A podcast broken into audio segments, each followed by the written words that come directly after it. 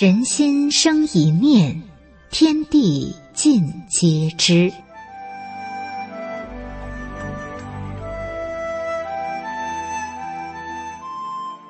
听众朋友您好，欢迎收听明慧广播电台《善恶一念间》节目。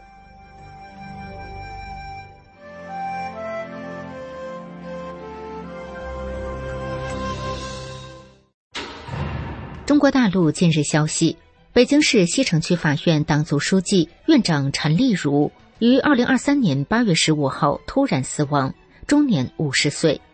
官方没有说明死亡原因。但是网上许多文章标题显示，陈丽如是在内蒙古骑马摔死的，而文章具体内容都被屏蔽了，一个也打不开。显然，中共在刻意掩盖死亡真相。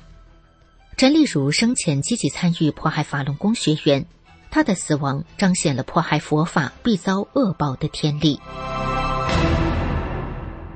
陈丽如，男，一九七三年出生，福建尤溪人。主要履历：二零一三年十二月至二零一五年一月，任北京市高级法院审委会委员、立案庭庭长；二零一五年一月至二零一六年九月，任北京市高级法院审判委员会委员、办公室主任；二零一六年九月至二零二一年十二月，任北京市通州区法院代院长、院长；二零二一年十二月至二零二三年八月，任北京市西城区法院院长。陈丽如是北京地区法院系统迫害法轮功的主要责任人。据明慧网曝光，陈丽如自二零一六年任北京市通州区法院院长、西城区法院院长的七年中，在媒体制造谎言、污蔑法轮功，制造冤假错案，把十多名善良的法轮功学员非法判刑送入监狱。其中，法轮功学员柳艳梅被通州区法院非法判刑四年。遭惨烈迫害后，在监狱医院离世。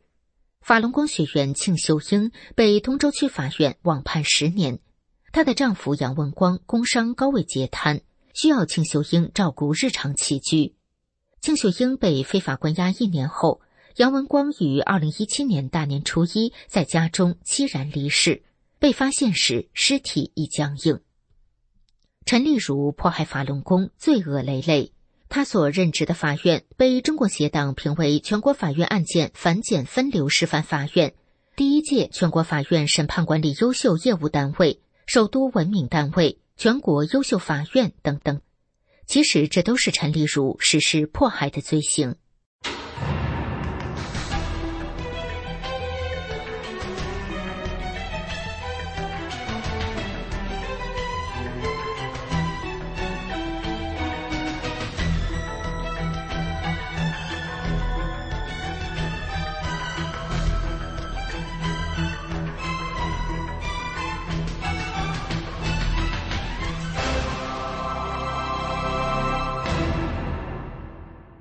除了上述两位法轮功学员，还有以下学员因为坚持信仰、向民众传播法轮功真相而遭受迫害。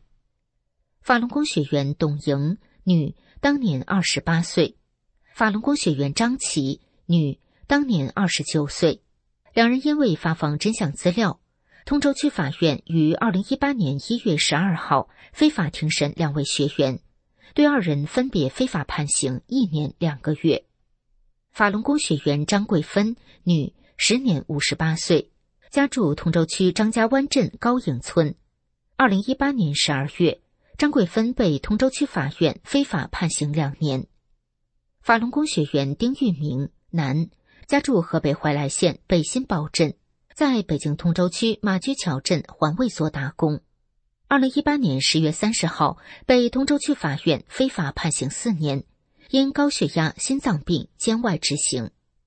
法轮功学员李建军，男，家住通州区加州小镇小区。二零一九年三月被通州区国保警察绑架关押，同年十二月底被通州区法院非法判刑两年。法轮功学员马军芳，女，时年七十五岁，家住通州区。二零二零年九月十四号，被通州区法院非法判刑三年，勒索罚金三千元。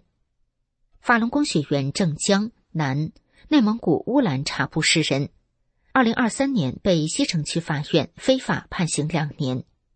法轮功学员顾秀英，女，时年八十八岁，家住北京市西城区虎坊桥。二零二二年十一月二十三号，因给民众发放冥慧台历，被警察非法抄家、监视居住。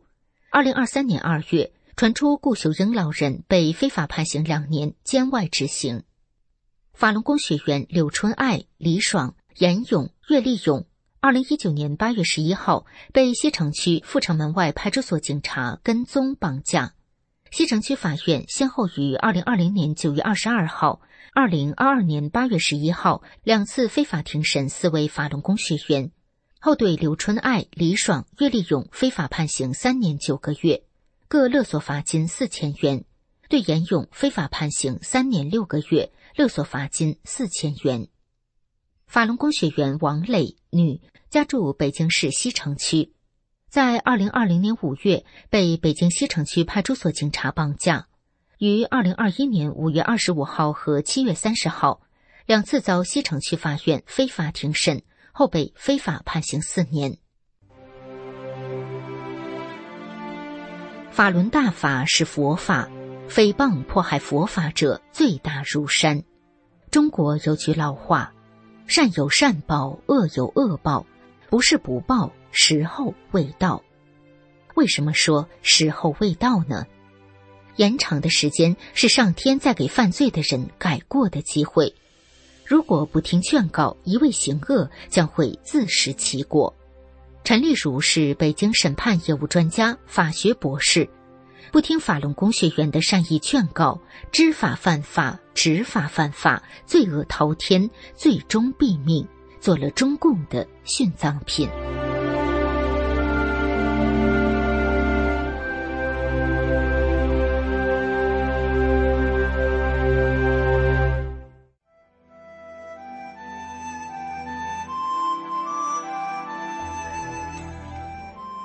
听众朋友，今天的善恶一念间就到这里，感谢您的收听。